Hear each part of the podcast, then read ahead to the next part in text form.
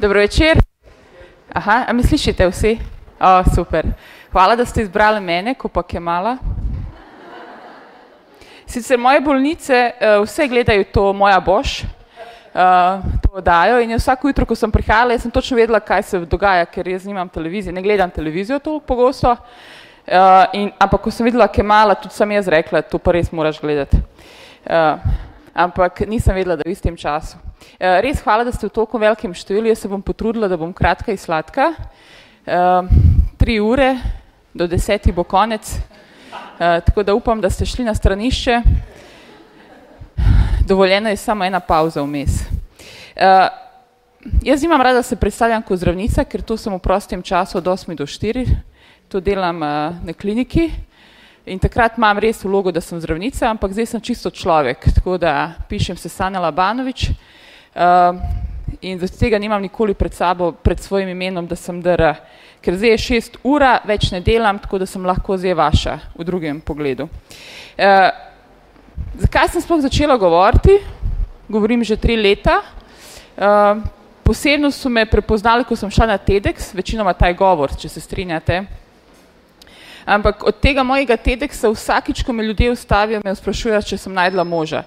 E, ker očitno so samo te, jaz sem povedala deset tisoč besed, vsak me pa vpraša, če sem najdla moža, pa naj dedek v Merkatoru, ki je star 80 let, a se ti taki iščeš.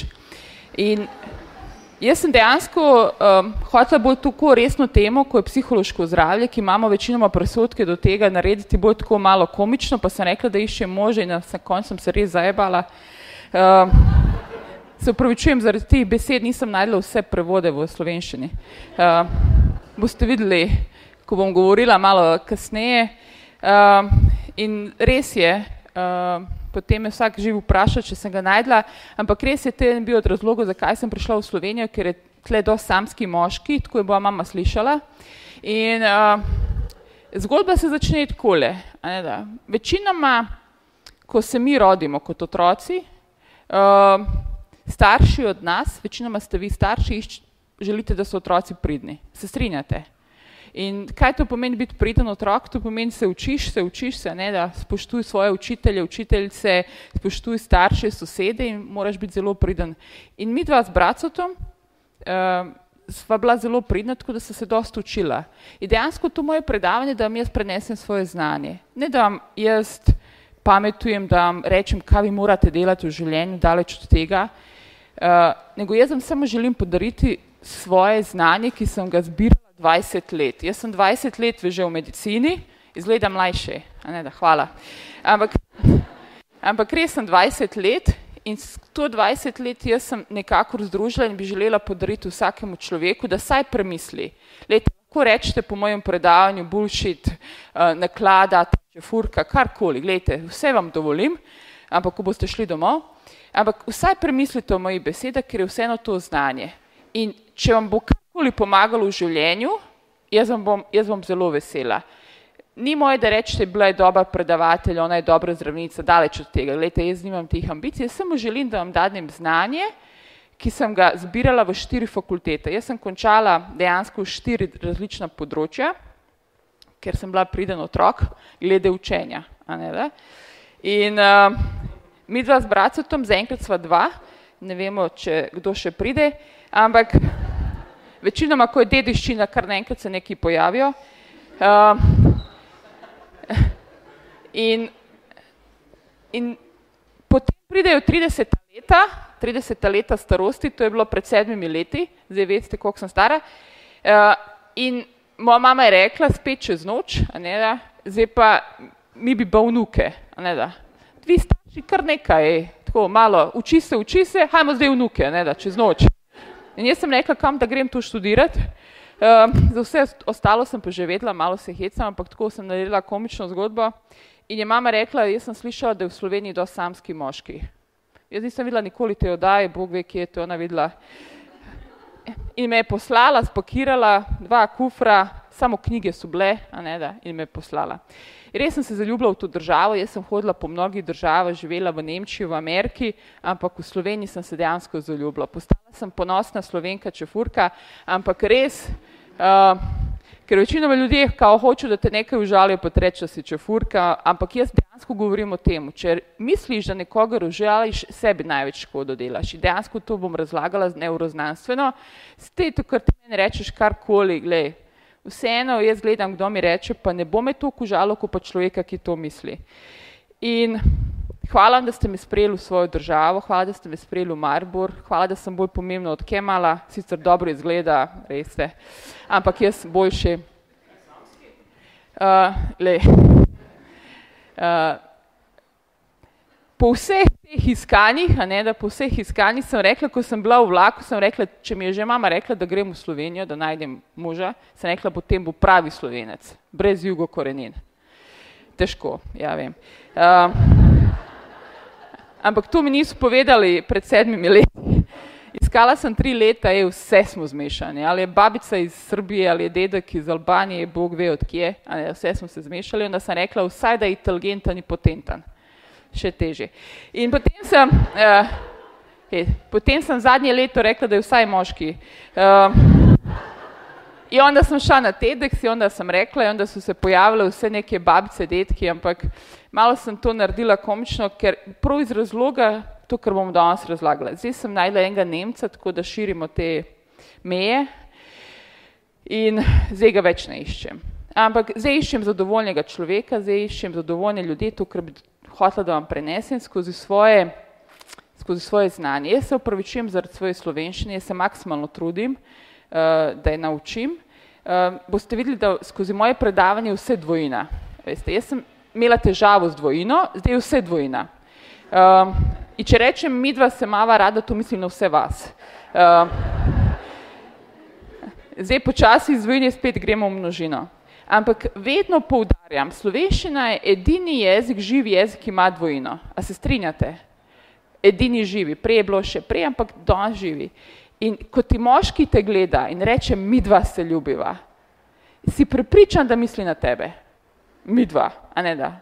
V Bosni je malo drugače. Ti ga vprašaš, voliš, no, kaže, naravno se volimo, oni sto drugi v glavi. A v, veš, v Sloveniji tega nima, lej, vsaj v tem trenutku misli na tebe. Kdo sem v osnovi? Razen tega, da sem človek, ki je prišel sticajem okolnosti na taj svet pred 37 leti.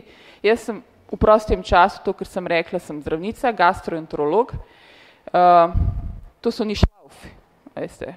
Uh, pregledujem želodce, debela črvesja, ampak to danes ni pomembno. Uh, ukvarjam se z blatom.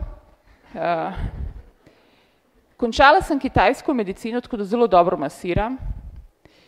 Končala sem še neuroznanost, kar bom danes razlagala, v Švici in Nemčiji. Moji starši so dali ogromno denarja v moje izobraževanje, 256 tisoč evrov. Vsakič mi to omenijo, ko se skregava. Ampak sem jim zelo hvaležna in končala sem seksologijo. Tako da ogromno ponujam. Uh, ampak vseeno najdeš fanta in on te gleda in te reče, znaš likat. E, jebi ga, je, ne znam, glej. Vse znam likat, pa ne znam. In kaj vam želim? Lete, želim vam samo, da vas izobrazim to, ker sem nekaj se učila zadnjih 20 let, ker mi slabo koristimo potencijale naših možganov. In zgodba se začne takole, če se strinjate. Odkakor obstaja človeštvo, mi smo se večinoma migrirali, premikali, ker smo iskali vodo in hrano. Se strinjate? In tok, da smo danes praktično na zdravje, tako da smo danes praktično predebeli, ne vi v Mariboru, vi ste suhi, ampak ti od zunaj. In preveč hrane in vode vedno rečejo, da imamo preveč. In če želite preživeti življenje, vi samo rabite vodo in hrano. S čim sem se jaz ukvarjala v neuroznanosti? Med dvema pojmoma razlika živeti in preživeti. Če bi preživeli življenje, Ne. Kaj je v osnovi človek? Ena mašina. Se strinjate? Jaz bi želela, da se vsak človek izobražuje v medicini to, kar je pomenilo za njegovo zdravje. Kar smo mi v zadnjih časih eh, ugotovili, oziroma kar sem ugotovila, da uh, mene fotor učijo, kaj je avto, ne, da, kaj je štedilnik, to zelo hitro otroke učimo. Posebno fotor so ponosni, ko sin zamenja gumo s tri leta, ne, vidite, ki je moj sin zamenjal gumo in mi ga to učimo. Ampak to osnovno, kar je naše telo, to pa ne veste. In jaz bi želela, ne da veste medicino, daleč od tega, ampak jaz bi si želela, da vsak človek ve, kaj je njegovo telo. Kaj smo mi? Nekdo vas vpraša, vpraša vas otrok, učenec, eh, kolega v službi in reče, kaj sem jaz v osnovi? Medicinsko, neuroznanstveno, mi smo ena mašina. Mi smo ena mašina, nekaj vnašamo noter, nekaj dajemo ven. Se strinjate? Ki živi neki 70-80 let, daj Bože i tolk, na temu svetu. In da bi vi preživeli to življenje, da bi ta mašina preživela, rabite samo vodo in hrano. In če želite preživeti življenje, rabite me poslušati. Ampak če rabite živeti, živeti, potem je pa to čist nekaj drugega. In neuroznanstveno jaz bom razlagala, ne filozofski, ne religijsko, daleč od tega, nego neuroznanstveno, kaj je to, kar se dogaja v možgani skozi celo življenje. In ta mašina ima, a ne da, potrebuje, da bi preživela vodo in hrano. Kaj smo pa pozabili? Pozabili smo nekaj, kar rabi v možgani, a ne da, biokemični koktel, da bi živeli življenje. Zakaj sem jaz tu začela govoriti? Ker jaz kot zdravnik se srečujem z vami kot bolnik. Se strinjate, slej ali prej boste vsi končali meni. Vsi rabite šlaufe, ali gore ali dole. In vsi pridite do mene. Kaj pa najbolj žalostno, da včasih prijete do mene, ko vam jaz ne morem pomagati. A ne, tu so večinoma rakavi bolniki. Jaz sem na oddelku, kjer imam ogromno rakavi bolnikov. In v zadnjih desetih, petnajstih letih meni je ogromno ljudi umrlo na rokah. Umrlo, vsak dan vsak drug dan. In potem sem jaz, ko sem poslušala njihove zgodbe, ko mi je samo govoril, kako je preživel življenje, si rečem sebi, a so mi res na tem svetu, ne bom analizirala drugega, ker ga ne poznam, samo to, kar jaz poznam, na tem svetu, da ga preživimo. Ne da. In večinoma ljudje reče, eh, gospa doktor, počakajte samo še to, da preživim, samo še to, da preživim. Ne da. In jaz sem si rekla, kje smo se nekako zdravo pametjo skregali. Če jaz želim preživeti, jaz vodo, jaz samo rabim vodo in hrano. Če ne bi imeli vode in hrane, bi hitro umrli. Se strinjate? To že poznate. Jaz pa želim, a lahko to funkcionira, aha, se bom vrla nazaj na tole. Jaz pa želim, na, aha, ne smem se premikati. Rekli so mi samo ta del. Uh, in jaz vas želela, sem se bom takole, da je bila blažje, kaj rabite za življenje, a ne da? Kaj to pomeni? Grozdi in paradajze. Jaz imam to sliko, ki bi me spremljala do konca življenja, to je moja slika iz Švice, do konca življenja, ker je to najlažje, da vas naučim, kaj so vaši možgani. Če vas jaz govorila znanstveno, vi ne me ne bi nič razumeli. Ne, ampak jaz sem si rekla, da moram toliko simplificirati svoje znanje, da vam predstavim toliko, da vas, ko bo vprašal vaš partner, prijateljica, kaj ste poslušali od te nore zdravnice, ki je bolj pomembna od Kemala, paradajze in grozdje. Veš kaj, ti rabiš paradajze in grozdje v glavi. To je to, kar jaz si želim. In jaz bi želela, da vi razmislite, koliko imate paradajza in grozdja. E, to je to. Ker vaši možgani so sestavljeni iz tri dela. A me sledite? Paprike, a ne da? Paradajze in grozdje, solata in por. Jutri, ko boste na tržnici, se boste mene spomnili ena gospa vsakič, ko enkrat grem na tržnico, je rekla, kaj ste ono rekli, kaj moram imeti v glavi. In dejansko, znanstveno je v osnovi je to, ne, ta biokemični koktejl, ti 140 hormonov, ne, ki rabi naše telo, nažalost mi ga v zadnjih 30 leti več nimamo. Prosim vas, vsi, dragi moji, dragi moji, medicina je v zadnjih 20 leti naredila bom. In jaz vam lahko podaljšam življenje. Mi imamo 150 tisoč zdravil, da vam pozdravim vsako bolezen, praktično vsako bolezen, da vam presadim vse organe. Znači, sploh ne rabite vi imeti strah, ne, da, da bom umrl, če želite, da vam podaljšam življenje. Znači, to morate razumeti. In lahko podaljšamo življenje za 20-30 let. Ne, lahko vam presadim jetra, trebušno slinavko, srce, lulček, tu lahko veliko zbiramo punce. Možgane, vse lahko transplantiramo, vse pozdravimo bolezni danes, razen paradajze grozdja. E to vam jaz ne morem dati. To je edino, kar medicina ne more dati. A vidite, koliko je tega v možgani? A me sledite? Ejte, to je praktično dve tretjine možganov, so hormoni, ki jih ne morem najti v tableti. In to je ta biokemični koktejl. In res, če želite živeti življenje, kaj rabite?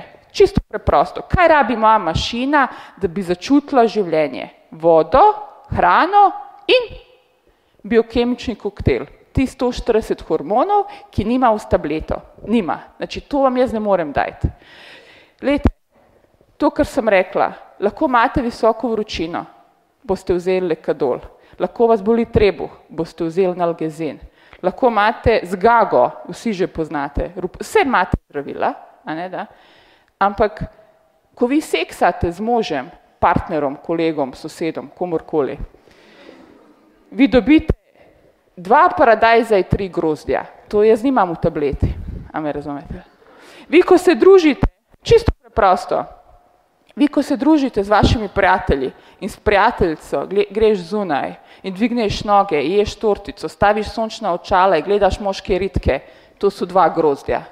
To nima tablete. Ne. E to je biokemični koktejl, ki vam bom danes razlagala. Zdi se simpel, ampak nažalost smo ga izgubili. In kako to funkcionira? Naša mašina rabi tri stvari. A ne da.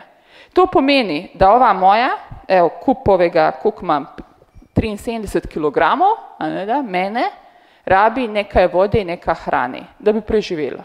In jaz unesem vodo, kaj dela ta mašina? Vzame vodo ali piva, vino, karkoli da pijete, vzame to, kar rabi, to, kar ne rabi, kamor gre?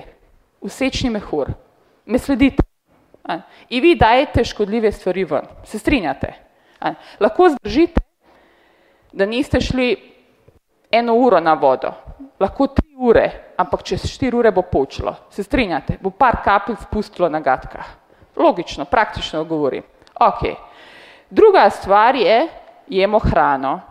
O tej hrani toliko že govorimo, da že oni otroci že vejo kaj, kao smem jesti, ne smem jesti. In vi vzamete kos mesa, a ne da, vzamete solato. Telo vzame to, kar rabi ta mašina, to je gorivo, a ne da, in to, kar ne rabi, kam gre? V debelo črevo. Mi smo mašina, gledajte, mi nismo nič kompliciranega. In se formira v blato. In obstaja 14 vrst blata, ampak ne rabite to vedeti. To jaz rabim vedeti, ker se s tem ukvarjam. In jaz sem zelo vesela, ko zdravnik in ko človek, če vi greste enkrat na dan na blato, da date to, kar ne rabi telo ven. Se strinjate? Ampak lahko se zgodi, da niste šli par dni, a se je zgodilo? Mogoče dva dni, mogoče tri dni. Tle se večinoma mlajši, ti starejši imajo težave. In potem, če niste šli štiri dni na blato, to se noter kopiči, a ne da. Proizvajajo se toksini, ne nekaj škodljivega je noter, udari vam v glavo, napihnjeni ste, trebuh vas boli. Kakšen kemal, kakšna vlada, je biš vlad, samo daj blato ven. Razmišljate, a ne da. Il, il ko vam tiši na lulanje, ej. vam vas tiši, jaz vprašam, kje je kemal, kje boš kemal, sem daj da lulam, a ne da. Ra, la, razmišljamo logično. In potem pa vi dajete to, a ne da, uh, ne dajete to blato ven, potem poskušate donat suhe slive, ne do Bog, da donat propadne v Sloveniji. Jo. To je prvo, kar vprašajo bolniki, ko pridejo na kliniko, imaš donat? Ne obstaja zdravnik, nego imaš donat. Ker brez tega nema več kakanja. In lahko se zgodi, da niste šli deset dni, e onda je že panika, glava vas boli, a ne, da pridete na urgenco, jaz vam dam eno cevko, v ritku, vi se že sami naciljate in se pokakate na pol hodnika. In date vse škodljive stvari ven. Jaz sem zdravnik, malo to praktično razlagam. In gospe smo dali štiri kila blata. Zamislite, kje bi ona razmišljala drugi tir, Olimpija, Maribor, kje bi samo daj blato ven, a ne da. Je ne moreš funkcionirati v tih situacijah. In onda jaz to dam ven in ljudi me gledajo kot anđela, resno, kot anđela me gledajo. Eh, kaj vas pa nismo naučili? Mi smo malo krivi, malo je znanost kriva, preveč se z budalaštinama ukvarjamo, da obstaja tretja klet. Zakaj pa to prekida? Um, to je por, prosim vas, ne smete to nikoli pozabiti. Vaše telo ima tretjo klet in to je v možganih por.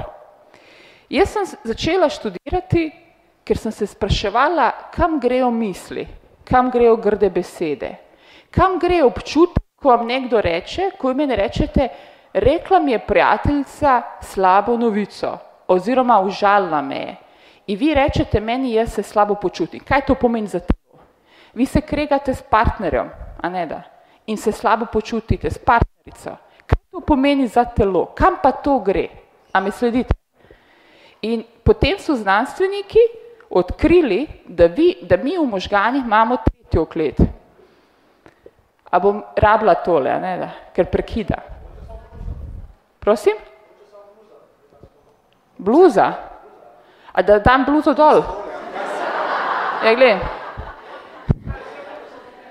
Pa če si rekel, da bluza dela težavo, je. Aha. Okay. Ne, lahko dam, nič hudga. Ampak ne vem, koliko me bojo poslušali. Sicer je novi modrc. A ja, bom s tem poskušala. Dela to? A, me, a, me, a lahko tako Kam se zdaj pobegna? Ta sploh je... Halo? Ne. Samo se treba.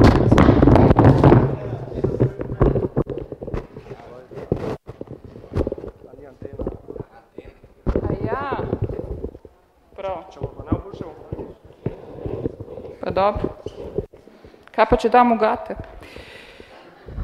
E, prosim vas. In tako se je začelo. Ne? Jaz sem se, za- jaz, jo, potem, sem, potem sem razmišljala, saj res, če jaz vem, kam gre voda in če jaz vem, kam grejo proteini, a ne, v mišice, če jaz vem, kam gre maščoba v moj taj trebuh, a ne, da, to, kar imam, kar sem ponosna, kam pa grejo misli, a ne da?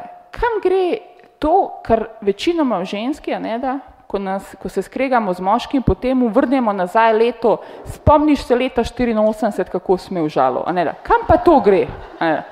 To mi imamo, a ne da?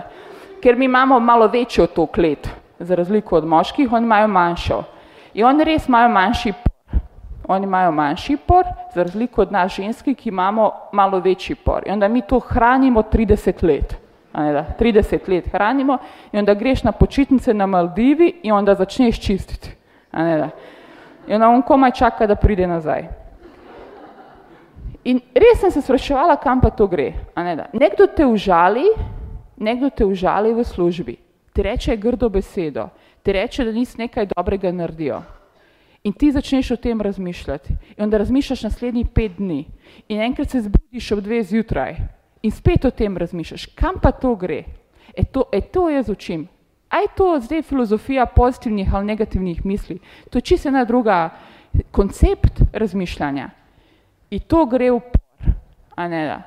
In to gre v to psihološko klet, ki jo mi ne praznimo. Mi njo ne praznimo, lej, ne, bom, ne bo šlo srce moje. Kaj pa čestitim greš, ker prekida? Hm? Evo, tega bomo dali. E. Zdaj, ko smo mi posneli klet, mi smo videli, da ta klet bi morala biti tako, a ne da mala, ampak mi, ko posnamemo zdaj možgane, mi vidimo, da praktično prevzame dve tretjine možganov. Znači, ljudje so skozi celo življenje se nafilajo s to kletjo, a ne da, in potem v enem trenutku se začne prazniti. Znači, samo se, samo razmišljajte o besedah mojih, o, o tej naši mašini.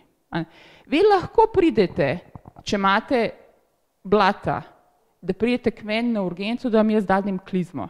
Ampak jaz ne morem to sprazniti, jaz ne morem skozi vhod, da vam dam cev. A ne. Tega bi bilo sto kil. Nego to se praktično prazni kam?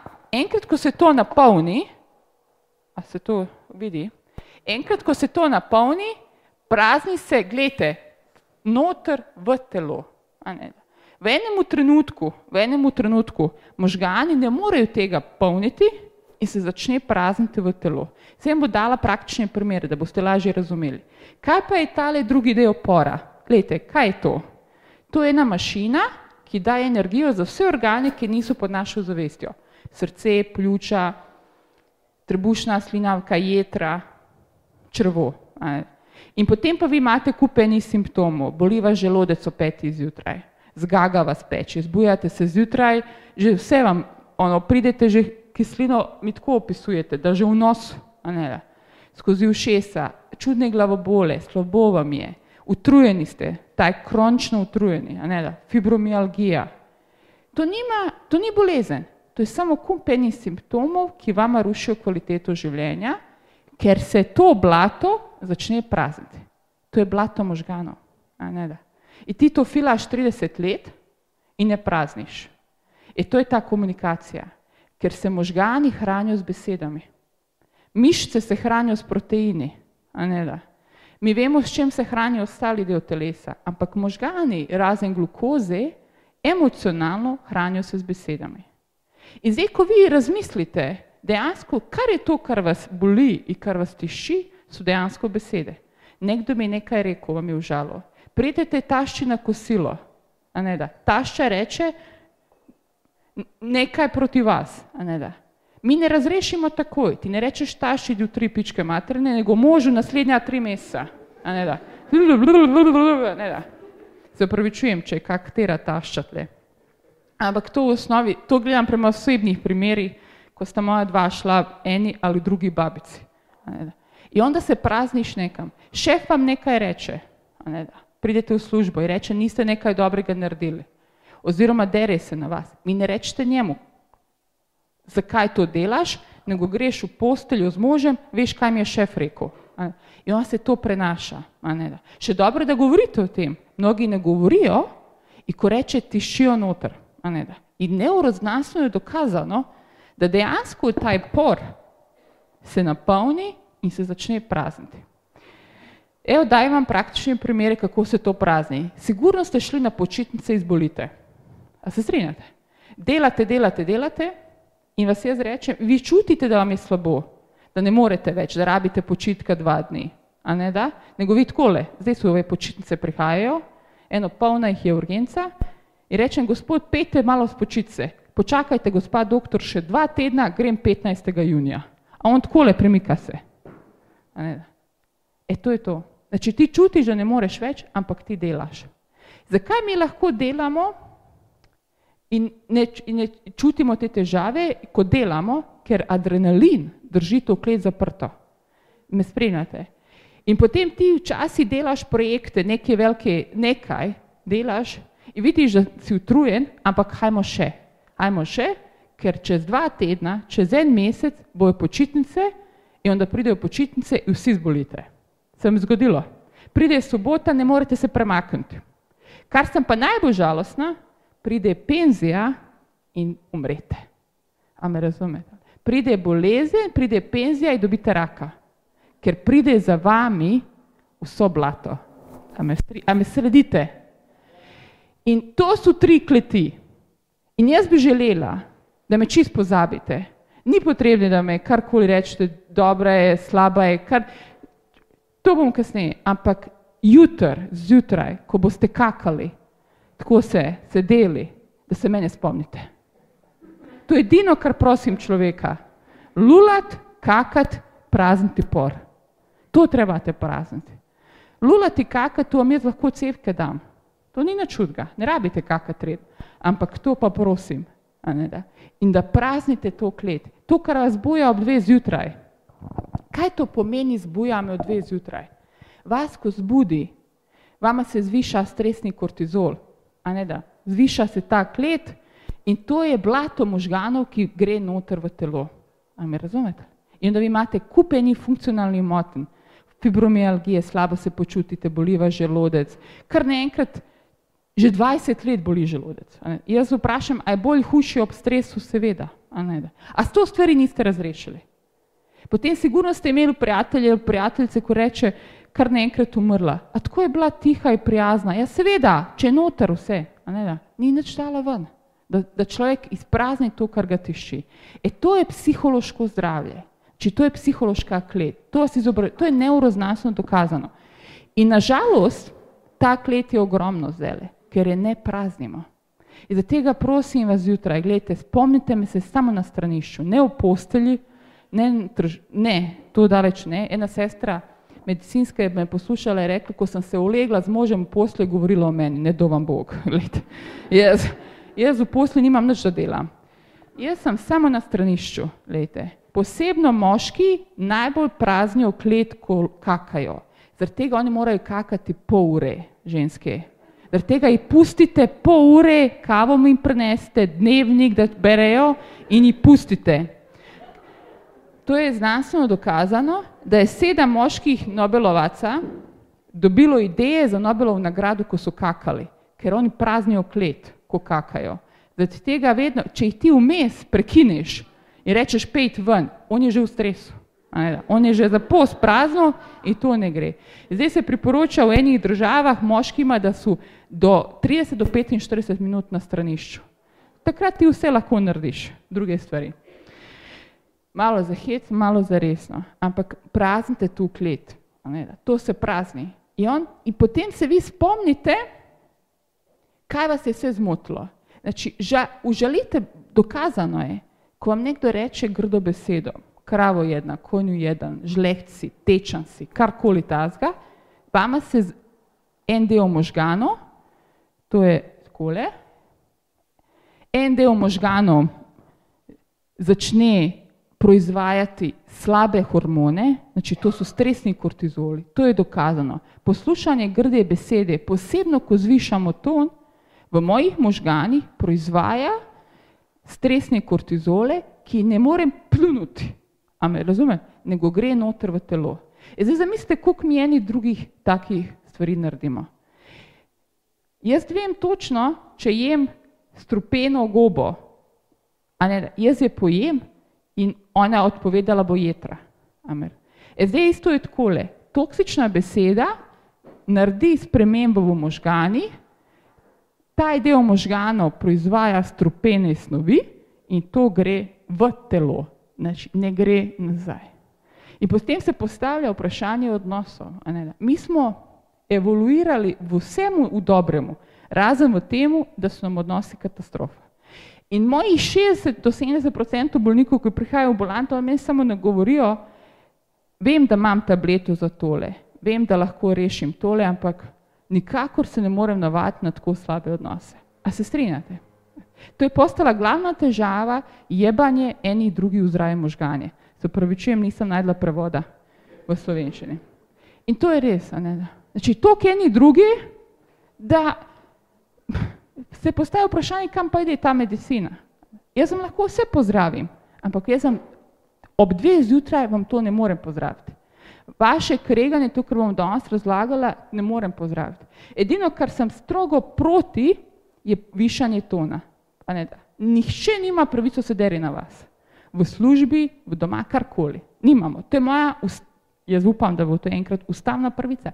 Ampak ni potrebe, da bi šlo, to je človeška pravica. Ne, da nima pravice, isto tako, kot nima pravice, da me tepi, nima pravico, da zviša ton. Ker je znanstveno dokazano, da vsakeč, ko se zviša ton, ne, meni zablokira kreativne sfere v možgani, to je, to je solata, ne, da, in zviša mi stresni kortizol. In zaradi tega sem jaz proti te vertikalne hierarhije prenosa, ne, da, prenosa tako, kot je bilo prej. Če se šef dere, misli, da je bolj efikasen. Zdaj je znanstveno dokazano, da je še bolj negativno, ne, da, ker mi stvori stresne kortizole, pa še druge stvari. In misliš, da če boš povišal to, da boš uspešen? Ne, pokazalo se je čist kontra. A se strinjate? In to je edino, kar bi jaz želela, da je pravica, da mene neko zdravnika, da se jaz lahko stresam na drugega, a ne, da, kdo mi to daje pravico? Jaz sem človek. A ne, da. In spoštujem drugega človeka, spoštujem. To je razlika v voljeti, imeti se radi spoštovati. Lete, čisto preprosto. In ko se ta klet napolni, kam gre, kam vzame? Paradajze grozdje. To so pa naravni hormoni. To so hormoni, uh, ki jih človek, ko se rodi, dobi toliko kot otrok, da bi mi lahko živeli zadovoljno 150 let. Mi pa danes imamo v moji ambulanti otroke, ki so stari 18-19 let, so depresivni. Depresija je fizična motnja, pomankanje tih hormonov. A ne razumete? Zaradi tega mi imamo te antidepresive, ker so zelo efikasni, ampak vse ne morem nadomestiti. In postavilo se vprašanje v Švici in Nemčiji, tam sem jaz to končala, zakaj so oni sploh to želeli, da, da mi izobražujemo, da se mi učimo neuroznanstveno možgani. Ker so se švicarci spraševali, zakaj se narod ubija. Zakaj se v Švici narod ubija? Vse imate, nimajo sploh brezposlenih, imajo high standard, živijo na visokem. A se strinjate, če je to to, kar je? Ampak oni se ubijajo. Na Ubernu, oni so tako nezadovoljni eni sami sabo, da oni hodijo, hodijo, pa samo se vržejo čez most. Imate v Bernu na vsakem mostu ne mreže, ne, da, da bi preprečili samomore. In onda se švicarska vlast sprašuje, pa kaj delamo na robe? Vse smo vam dali, a ne da? A vseeno nekaj delamo.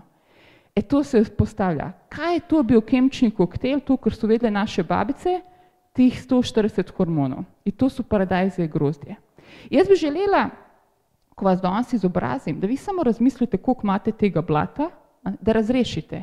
Lete, mašina je 80 let, 70 let. Moja mašina bo živela nekaj časa. Upam, kvalitetno. Ampak, kaj vas vse čaka? Čaka vas en zdravnik, mogoče ena medicinska sestra, večinoma danes vsi umiramo v bolnici, ki posluša vaše zadnje želje tamo, vi umrete, pustite zadnji dah, damo vam en listek na nožni prst in vas damo eno storilno vrečko, to z vsima razlagam, in vas tako zapremo, zapremo vam oči, da se ne bi tam na mrtvašnici eh, zmotili z drugimi in vas odpeljemo. Pridejo oni svojci, vzamejo vaše stvari, malo se izjokajo, malo iskreno, bolj lažno in čez dve, dva dni greš na žale, a ne da, kako se reče, pokopališče, bil je dober človek, bila je dobra žena, čez dve ure, ko te jebe. In to je mašina, a ne da. Jaz se vsako vprašam, pa ti pa 40 let nekaj dokazuješ, bom jaz dokazal njemu, da je to, a ne da, in take stvari. In se človek vpraša, zakaj čez največ sebi škodo delaš. A se strinjate? E to je mašina. A ne? In tih zadnje faze mašine, e to jaz gledam, to se jaz srečujem. In se človek vpraša, a ne da, pa kam pokurimo celo življenje? A ne da. Ker sem samo poslušala od vas, jaz vas poslušam, kako ste želeli tole, kako ste želeli to narediti, kako ste želeli Kemala poljubiti usta, pa niste, pa ste šli v Istanbul, kako ste karkoli, ne. In vprašam, gospod, zakaj niste? Moral sem tole, moral sem tole, moral sem tole. E zdaj se človek vpraša, kaj je to, kar je moral. In prejšnje leto maja je bila velika analiza med slovenci, med nami slovenci, ker se tudi štejem, kje je skrb za lastno zdravje. Na sedmem mestu. Sram vas bilo je. To se lahko dovolim, ker slej ali prej boste končali pri meni. Sram vas bilo. Na sedmem mestu se s tebi. Pa zakaj živite na tem? In na prvem mestu je hiša. Zaradi tega je Slovenija prva v Evropi, ki redno beli hiše. Svaka čast. Resno. To vam pa res dadnemo. No. In mora biti hiša pobeljena, zdaj pa posebno, če je poletje, ne da. Ono, imaš, že sto let imaš željo, ne da, da bi šel nekam pa uživati, pa kjerkoli. In rečem, zakaj ne greste, gospa? Pa veste, moram zdaj klet prenavljati, pa prejšnje leto je bila streha, pa bla bla bla, pa bla bla bla. Ne, ne.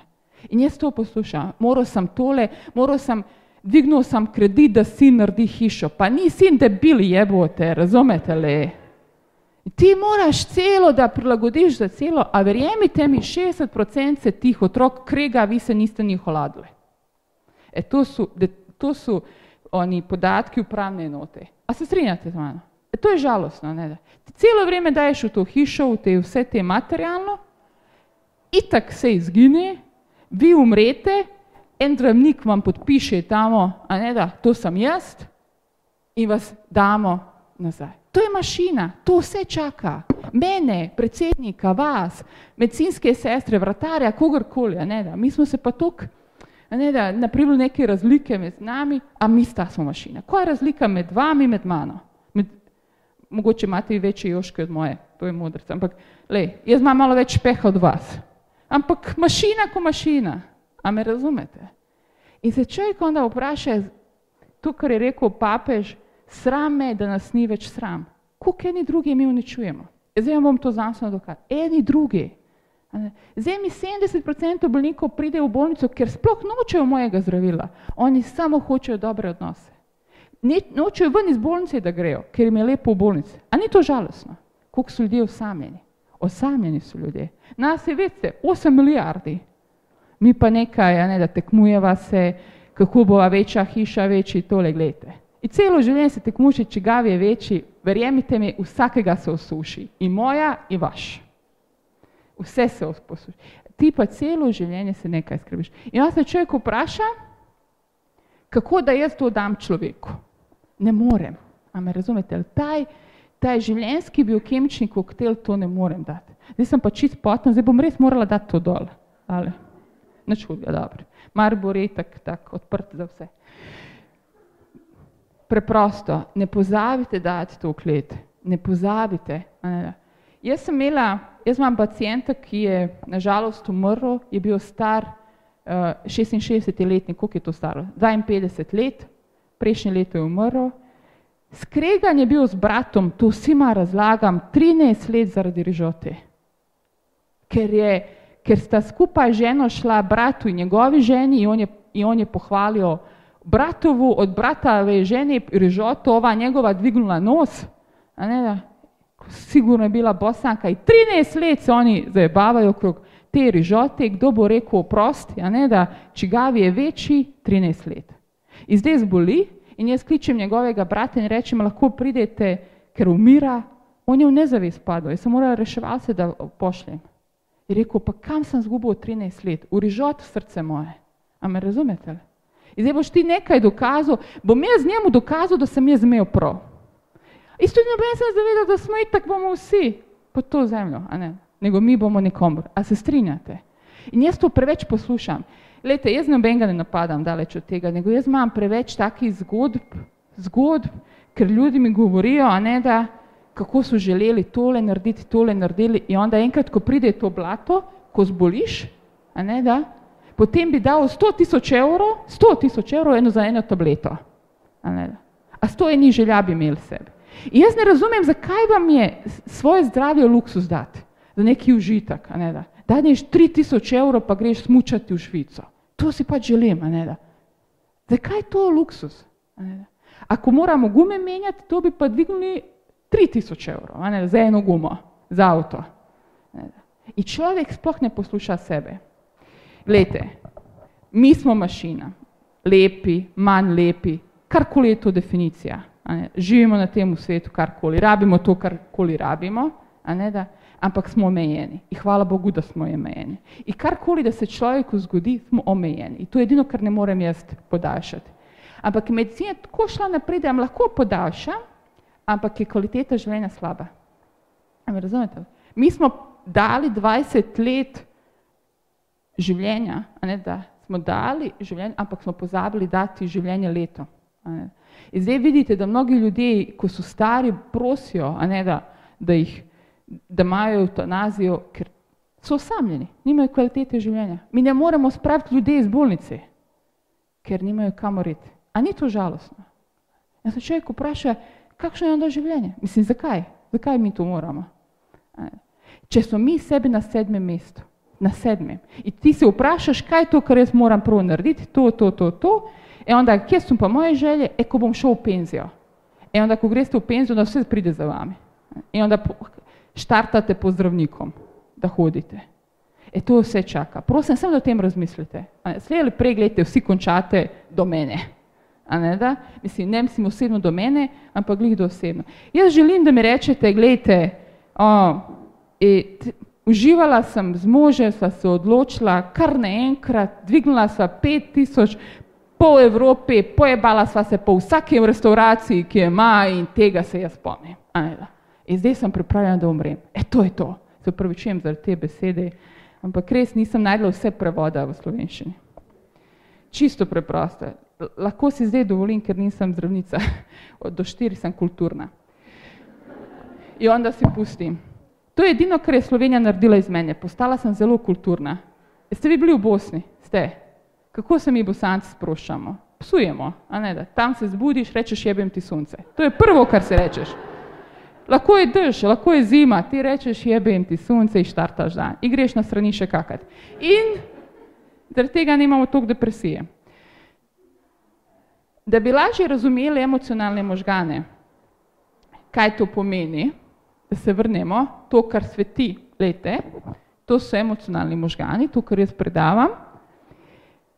Zamislite si mapo Evrope, da vidite, kako, kako ta mašina možgani, kako oni delajo. Ok. A imate mapo Evrope pred sabo? Lažje mi, da vi zamislite, zaradi tega ne dajem na ekran. In vi imate centr za denar. Mi sledite? To je Švica. Mala jebena, se strinjate? Dobro. Onda imate centr za službo, to je Nemčija. Ok. Imate centr za ljubezen, to je Francija. Ok. Centr za prijateljstvo, to je SFRJ. Se strinjate? Ok. In vi dobite nenadoma 10 tisoč evrov. In vi vidite 10 tisoč evrov, naprimer v službi jutro pridete in dobite nagrado 10 tisoč evrov ali karkoli, kar je povezano z denarjem. Kaj se, kaj se to naredi v, v možganih? Kaj to pomeni? Aha, videl sem 10 tisoč evrov, jaz gledam, ko gledam, aktivira se center Švica, a ne da, kaj to pomeni za mojo mašino? Da ta Švica v možganih izloči hormone, da se jaz dobro počutim. In jaz rečem, kako se počutite dobro. Aha, dobil sem 10 tisoč evrov, dobil sem plačo, a ne da. Ali naenkrat regres, kar naenkrat večji regres, nekaj, kar je nenadom. Znači, mi se dobro počutimo. A me sledite? E zdaj ti hormoni, ki se izločijo iz Švice, so zelo močni. Trajajo zelo, zelo močni, vi se super počutite, ampak čez tri dni ti hormoni grejo ven iz telesa. Me sledite? To smo dokazali.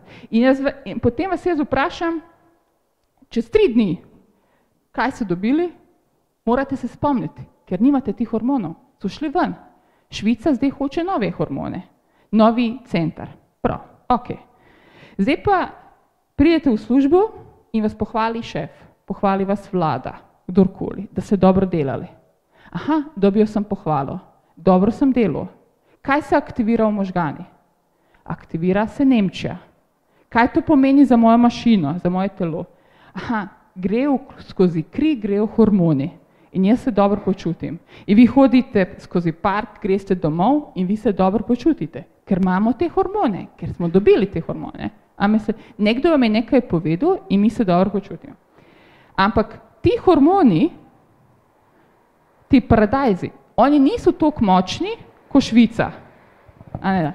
Švica je takole, hu, haj, Nemčija pa je takole. In ti hormoni trajajo sedem dni v krvi. In vas jaz vprašam čez pol leta, kaj ste, kaj vam je rekel šef, kaj je danes? 29. maja 2018, fu, kaj pa jaz vem? Ker nima več tega hormona v krvi. Me sledite? Ok. Zdaj pa, danes je torek, zdaj pa greste v petek s partnerom in partnerico, z nekomor, ki čutite ljubezen, greste tri dni se razvajati, brez da se kregate. Teoretično, zamislite. In čisto, ono, čista uživancija, a ne, da razmišljaš, da boš sploh dvignil nogo, a ne, da razvajaš se, crklaš, gledaš moja boši, kje mala, karkoli. Kaj se aktivira Francija, a ne da? V možgan se aktivira Francija, centar se aktivira. Gled, isto tako kot za mišice, če vi tečete, a ne da, uporabljam te mišice, te se mišice aktivirajo, a me sledite? E zdaj za možgane je čist nekaj drugega, so to druge mišice. In Francija, gledajte, to je Švica, to je Nemčija, to je pa Francija. Oni niso tako močni, niso tako močni hormoni, ampak trajajo do konca življenja v krvi, če se vi ne ločite. Onda aktivira se Luksemburg, onda se najbal. Luksemburg je centar. Zdaj me poslušajte. Luksemburg je centar v možgani, ki ga mi ob rojstvu nimamo, ampak ga mi sami naredimo. Naredimo ga, če se kregamo, če se ločujemo. In potem, kaj je ta Luksemburg za možgane? To so najbolj strupeni hormoni, ki grejo noter v telo. Zdaj so mnoge bolezni povezane po ločitvi, po slabem partnerskem odnosu. Kdo je spet kriv? Nisem jaz, ni vlada, ni tsunami, spet jaz v odnosu. In se sigurno imeli primere, da dva človeka, ki so bili najbolj intimna, postanejo največji sovražniki. A je bilo tole? Bilo. Ker se aktivira Luksemburg. Luksemburg mi spet sami naredimo. In zdaj so dokazi, da eno je genetika, eno je pa odnos. E to je taj odnos do človeka. In to je to, vi se cele dneve kregate s partnerom in partnerico, a ne da, slabe besede, uh, ene druge uslovljavate, jaz bom vzel otroka, ti ne boš vzel otroka, onda gre alkohol, gre kajenje, ne spiš noči. Kako, kako bo to mašina prenesla? Hajde, vzemite avto, pa ga vsako noč tepite. In onda pričakujte, da bo kot nov čez tri meseca. Če ga drkaš tri meseca. A me razumete? Niso mi nič drugačni, kot vse ostalo. Nego smo mislili. In onda rečejo, jaz bom to prenesel, jaz sem močna. Niste. A me razumete? Ne moremo biti močni, če se iz dneva v dan se krigate, ker to nekam ostane. Jaz sem predavala na Evropa Doni, to so ženske, ki imajo raka dojke in raka materičnega vratu, je bilo 500 žensk v dvorani, ne, da, in sem vprašala, naj se dvignejo, naj mi povejo vse te, ki so pred boleznjo imeli slabe partnerske odnose ali se ločile, dvignilo se 90%. A me razumete? Ker za mnoge bolezni danes ne moremo najti vzroka. Tukaj medicina šla naprej, ampak ne moreš najti vzroka. In onda greš malo v družino in da vidiš, koliko je to kreganje. Znam ste, ko je to stres, da vi vsako jutro se zbujate in namesto, da gledaš v partnera, ko v ljubezen svojega, da ti dadne paradajz, on ti daje Luksemburg, pa Luksemburg, pa jebete, pa jebi, pa cikala, cikala. In onda prideš, zakaj sem bolana. Onda je vsak drugi. A me logiko razmišlja. To je mašina. A me razumete? mašina, ki ima svojo mejo in na ta način predavam človeku. Sami drugi naredimo. Ko imamo slabe odnose v službi, v Nemčiji, mi naredimo nizozemsko, ona ne obstaja, ona v centru ne obstaja, nego mi naredimo in onda ona spet, onda reče, grem v službo, imam cmok v grlu, a ne da. Kaj to pomeni grlu? To pomeni povišen adrenalin. Kaj to pomeni telo? Ode ti trebušna slinavka, In onda mnogi dobijo sladkorno bolezen. A me razumete li? Kako ta mašina funkcionira? Na koncu vam neuroznanstveno dokazujem, da je to, kar mnogi rečejo, vse je iz glave. Kako iz glave? Ker ti centre mi sami naredimo. Eni centri obstajajo in on nam dajo čudovite hormone. Ene centre pa mi naredimo. Najbolj strumen so partnerski odnosi. Najbolj strupen je Luksemburg. Ubi, ubi. Razumete, koliko je to noter? Iz dneva v dan se zbujati pod stresom. In logično, in da mi nekdo reče, slabo se počutim, pa gospa, ni ni čudno, a rabim tableto, kakšno tableto da mi jaz datim? Kakšno? Jaz je ne morem, nimam. Jaz sem samo lahko pozdravim bolečino, lahko vam zdravim sladkorno bolezen, lahko vam znižam krvni tlak, ampak vi spet greste v Luksemburg. A me razumete? In spet pod te hormone. Ostala nam je še SFRJ, naša lepa juga. Vedno rečem SFRJ, ker je od vseh držav v Evropi, mi smo se največ družili, tako piše v zgodovinskih knjigah. Jaz nisem bila v tem času, je že bil razpad, ampak tako so govorile babice. Zdaj, ko jaz poslušam te babice, ki so stare 95 let, pridejo meni v ambulanto, one samo govorijo, da mi je Titove čase. Ne, ne zaradi Tita, jebeš Tita, on je tako umrl, ampak zaradi tega, ker smo se družili. Ja, bilo je bilo več tega paradajza. Mi te mladi to ne poznamo. In ko se vi družite in greste tri dni s prijateljem, je ono harmonika, piva, gledajte, pite, kukrčete, samo se dobro počute. Zapraviš 500 evrov, pa tu, če nimam kaj drugega jesti, gledajte, boli vas vriga. Izloči se SFRJ, vi se dobro počutite. Bil sem tri dni, kar fajn mi je bilo. izloči se SFRJ, ampak to so tako, kakšna Švica, to je ubi, to so tako blagi hormoni, nikoli ne izginejo iz krvi. Da se vrnemo na konec vašega aparata, našega aparata.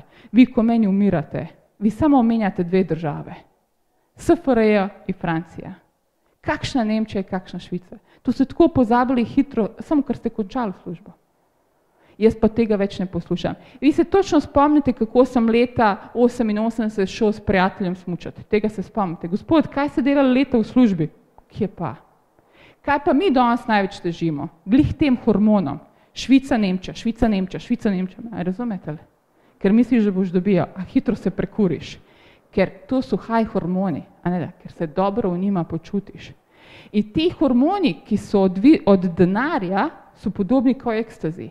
To so ti snovi, ki so praktično iste, ker mi lahko ekstazi sami proizvajamo. Samo v trenutku smo obsedeni z denarjem. In enkrat, ko ti ščrpaš švico, a ne da, zaradi tega logično je, milijonari nikoli niso zadovoljni. On ima pet milijonov in se haj počuti in onda hitro padne, pa hajmo deset milijonov. E, kdo med vami? Okay. da mi potrdi. Če. In onda hoče 20 milijonov, aha, pa hajmo na 100 milijonov, pa hajmo na 150, a ne da. In na koncu se ubije. Evo vidite. Malo, malo slišite, milijonari ubijajo se, nimajo kaj drugega. Tega v Švici, ker je toliko. On je toliko izčrpal Švico, te občutke, ne, da postaneš odvisen od tega, kaj ti bo denar dal, da pozabiš na Francijo in na SFRJ. In mi se več ne družimo tega osnovnega. In, ampak to je samo hormoni, ki vi lahko sami sebe naredite. In to je življenje. In je res takole, verjemite mi, ko umirate, ko se ta aparat vaš zapira, vi se samo spomnite SFRJ Francije, če se niste ločili. In to je žalostno. Ampak tega več ne poslušam. Težiš k temu, ja, naredil sem tega dobrega v službi, potem pa mladi, ostajamo po 12 ur. Ne bo pisalo srce moj na nadgrobno spomeniku meni, dobro je delala kolonoskopije, boli me briga, a me razumete le? Jaz delam od 8 do 4, kuk naredim, poslije 4, boli me briga, me razumete? Jaz zdaj bom težila k temu, ja, v svojem življenju zaslužila je 5 milijonov, crknula sem, ne, sem to zaslužila. Kaj me to briga, me razumete? Jaz hočem čist ene druge stvari. Jaz hočem, da reče, uh, plačala je 50 tisoč, da je kemal poljubine v sred Maribora. Da, da se tega spomnim, ko bom dementna. Tega, takih stvari, ne, da rečeš karkoli. Jaz nisem nič pameten, lete, jaz sem imela osebne izkušnje in potem sem vse to naštudirala. Ja. Jaz, ko sem bila bolana pred leti, pred leti, jaz sem bila šest mesecev v bolnici, zamislite, kako je ležati, gledaš samo en plafon. Jaz sem samo rekla, samo da se dvigne, samo da se ozdravim. Itak so vsi dvignili roko od mene, so mislili, da bom umrla, ampak me Bog ni hotel, ne vem zakaj. In je, ampak ko sem se dvignila, rekla, da je to to. In res na koncu to ugotoviš. Kako ste videli, moji starši so se ful dali v službo, moj oče je bil najboljši menedžer. On je, ker se tiče službe, bil po 15 ur. Zdaj je v penziji. Zdaj pogreša SFRJ Francijo. A me razumete? In je hitro pozabil vsa ta najboljša menedžerstva, vse to, kar je, in je potem vedno meni reče, jo, premalo smo se mi družili, zdaj se bomo družili, zdaj se spomnim, po 30 letih. Se rekla, oče, zdaj pa itak imam svoje življenje. A me razumete? Jaz ne govorim o drugem življenju, jaz govorim, to se vse dogaja tudi v moji družini. Nisem, ni moja družina nič pa bolj pametna od kakršne koli po je skregano, ker smo bogati, po je skregano bogati v zemlji, zemlje, po družini je skregano že 30 let zaradi te zemlje. Evo, zdaj jih je 95% umrlo. A že skregani, otroci so skregani. A ni to žalostno? A tu zemlja je zdaj itak propadla, zdaj plačamo ciganima, da vsaj, da so notor. E to je žalostno. Pa mnogi pa nisem sploh ni spoznala, ker smo se vsi skregali zaradi te zemlje. In onda se človek vpraša, pa zakaj. Pride poplava, pride povojna in vse to odnese. Ostane samo to, če se, se ti, ko umiraš, spomniš. Ker ta aparat slej prej bo umrl. In jaz, ko sem, ko sem bila bolana, sem rekla, da hočem, da se samo v letalu, to delim s svima vama. Da hočem, ko bom letela na New York, glih nad Atlantikom, da mi pride, da reče, jebote, to je život. In sem čakala 20 let, resno, takrat sem bila z enim črncem iz Zimbabveja, so bila skupaj in tam v tišini vsi spijo, mi, le, tako le. Jaz, ko bom dementna, da mi nekdo reče, bila je dobar gastroenterolog, boli me kurac, gledajte, meni samo reci Atlantik, ja, to je življenje. Vse ostalo pozabiš.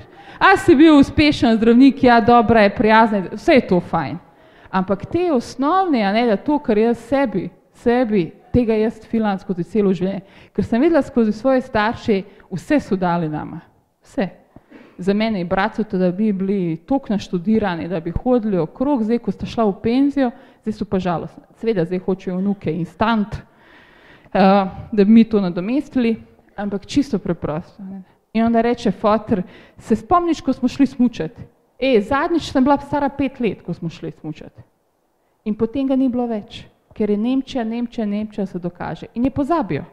In je rekel, in sem rekla, fotor, kako gre firma tvoja? Je rekel, veš kaj, gre naprej. Sem rekel, kako to ja mislim, ne že brez tebe. E to je ta občutek, da smo mi nenadomestljivi. Smo. Jaz sem zdaj le trenutno, čez 20 let bo en drug zdravnik, če brsko po vašem črvesju, ne. Ampak jaz bom edinstvena, ker se bom spomnila Atlantika in takvi stvari. Če hočete seksati v pilotski kabini, je 50 tisoč evrov. Vem, preverjeno. Pol ure, pol ure je 50 tisoč evrov. Zamislite, ne pride pizda je. Onda greš 100 tisoč evrov, man, to, to se ne izplača, gledaj. Ko bom enkrat toliko bogata, bom dala že, da sem gore nad Indijskim okeanom. Malo, malo za hec, ampak malo za res. To je neuroznanost. Ne? Da kaj to, kar nas čini ovaj aparat, da smo živi? Se strinjate? Koliko se človek vpraša, koliko dejansko imamo tega mimo najni potreb? Ker je to praktično kapitalizem, ne da, maje več, maje več. Jaz bi več želela, da nisem imela toliko Meni so ogromno dali starši, da potujemo vse tole, ampak skupni trenutku pa nimamo prav skup več, ker so pač delali, mi smo pa se izobraževali. E zdaj bi pa, zdaj smo pa oba dva šla ven, a ne da, oba dva na svojo stran. In vedno sem se rekla, a, pa več bi želela, da, da nisem prav imela vsako možno bundico, ki je bila, a ne da, ker ne rabimo, a ne da. Lahko v pižami živimo celo življenje, samo menjamo pižame, a ne da. Ne rabimo sto majčk, a se strinjate. Jaz bi tudi pižam prišla, ampak ne smem od najboljši prijateljci. Le, pa so what? A ne da, jaz sem pa človek, le. Jaz več si želim to tortico pojesti svojo prijateljico, dobro izmasiram, meni za življenje. Ker to itak bo propadlo, a se strinjate. Posebno vi starši, jo vi nam toliko dajete tem otrokom lete, a ne da celo življenje, a ne da, in da človek pozabi na sebe. Ne mojte. Prvo partner, partner, partner, otroci. Ne. Otroci mi gremo, dobro, tle v Sloveniji do 40. leta živite, ampak do 18. leta moramo iti ven, a ne da. Onda ostanejo partneri. A se strinjate? To pa včasih pozabimo. Osnovno, kako funkcionirajo, a vam je zanimivo? A v redu? A lahko malo še? Lahko, dobro. Ne bom več kot 30 minut. možgani so čisto preprosto kot en vrt. Kar posiješ, to boš požel. To boš požel, kar posiješ. In tako so v odnosi. Če ti investiraš v odnose, se boš dobro njima počutil. Zakaj se mi v partnerskih odnosih čez leta slabo počutimo? Ker več ne investiramo. A se strinjate? Ti jih osvojiš kot vrtove, dobiš otroke, a ne da? In to posebno, posebno ženske se fokusiramo, moški je tam oko en bankomat in to je to. In onda se čez nekaj let spomniš na njega, aha, zdaj pa prid nazaj. In onda stajne težave, ker nima odraščanja več, ker nima, ne razvijamo se več skupaj. Tega jaz vedno rečem. Moja mama je zelo težko je to padlo, ko smo mi dva šla ven, ker je vse fokusirala na nas. In onda zdaj fotor je šel v penzijo, ona je 40 let jamrala, da ga ni doma. 40 let vedno je delo od, od petih zjutraj, ko je mama bila v meni, pa že ob treh zjutraj šel, ampak od petih zjutraj do desetih zvečer. Nikoli ga ni bilo. Mama je vedno govorila, ta je tvoj fotor samo dela. Zdaj že dve leti v penziji, zdaj mene kliče, že na živce mi gre, cel dan je doma, pa pisa, da se že enkrat odloči, ali ti ali ga pogrešaš, ali ti, in, in to je, a ne da. In sem rekla, mama, zakaj? A ne da. A ni to žalostno? Ja, ne poznam tvojega fotra. Ja, seveda, če 40 let delo, ti se pa na nas fokusirala. Mi pa gremo stran. Vi dva pa ostanete. In zaradi tega včasih je to najbolj strupeni hormon glih v tih odnosih, ker pozabimo v njih investirati, ker pride čist nekaj drugega. In o čem razmišljajo možgani, ko se zbudijo zjutraj? Lete, to so eni moški možgani, se pravi, če sem malo vodi, da popijem, če dovolite. Koliko je vroče. To so eni moški možgani. In to, kar jaz vedno rečem, da smo slovenci zaskrbljeni na zaloge. Ovo vse rdeče so skrbi, a ne da. Izkrbite. Moji, moji bolniki skrbijo, a bo Severna Koreja napadla Ameriko. Pa kaj to tebe briga človeče, bala ne? Tebe boli bolan želodec že tri dni, on skrbi in zdaj le on mene vpraša danes zjutraj, a se bo Trump dobil, ne vem, kako me ime, Hong Chung Pong, pa kaj to mene briga, ne da. Jaz razmišljam, kako se bom šla masirati. Glih Trump misli o meni. On misli, kaj dela doktor Banovič, boli njega in ne vem, da obstajam. In o tem je. Ali pa, ali pa um, eni so skrbeli, ko je Miro Cerar dal odpoved, mislim, odstopil, kako on bo preživel, a bo imel dovolj denarja. Pa draga gospa, prosim vas, je, pa kaj to vas briga je? Skrbi, kako bojo otroci šli v srednjo šolo, oni so v osnovni šoli. Že naprej, za deset let. Ne da. Imam enega bolnika, ki ima težave z želodcem, ki so povezani z gospodarsko krizo. In zdaj, ko, je, ko smo imeli slabo situacijo, ne da par let nazaj, on je ful imel želodc, težave z želodcem, naredil eno sedemkrat gastroskopijo v enem letu. Ne da. Vsakič pride me boli. Sem rekla, gospod, gledajte, večkrat ste pogotnili cep, ko ženska nekaj drugega, pa ne morem noter ven, cel čas, da nič ni, vse je v redu noter. In zdaj je prišel čez dve leti na kontrolo, sem rekla, zdaj pa je boljša situacija, upam, da je malo, je rekel, res je boljša, rabim samo eno tableto za kislino, to sigurno že vi vsi pijete, to je najbolj uporabljena. Ampak jaz sem prebral, čez štiri leta pride hujša kriza. Jebi ga, lete, kaj zdaj, da zdaj naredim? Čez štiri leta bomo spet šla v noter in to je to. In se nekaj gledajte, karkoli lahko vi skrbite več ali manj in to so te skrbi. In zdaj se človek, vi se morate vprašati, koliko jaz imam tega, ker skrbi ne morejo dati dobre hormone. Kaj je, kaj je dobra skrb? Skrb, kako bom jaz razvajal partnera čez vikend, a ne da? In to je skrb. In onda razvajaš ga, ali narediš, kaj bom kuhal za večerjo, aha, tu je moja skrb, narediš večerjo in tu skrb rešiš. In enkrat, ko jo razrešiš, dobiš dobre hormone. E zdaj, koliko mi dejansko skrbimo za nekaj za naprej, tega je ogromno. Kako bojo moji otroci, a bo, a bo resno taka situacija čez 20 let, ne vemo. A me razumete? Ne vemo. Vi nič s tem sebi naredite, ko vi sebi dajete te skrbi noter. To rumeno je, kaj sosed misli o meni. In kaj drugi mislijo o meni. E, to, ki je obremenjeno, to je to neverjetno. Pa kaj vas briga je? Pa če nikomu drugega ne delate žalega, ne, da pa hodajte nagi, bolan, pa nemo po hiši, če sosed nima nič drugega, da vas gleda, vi se nalepte in mahajte. Lejte. Če je to edina vloga, da gleda, kaj, bo, kaj vi delate.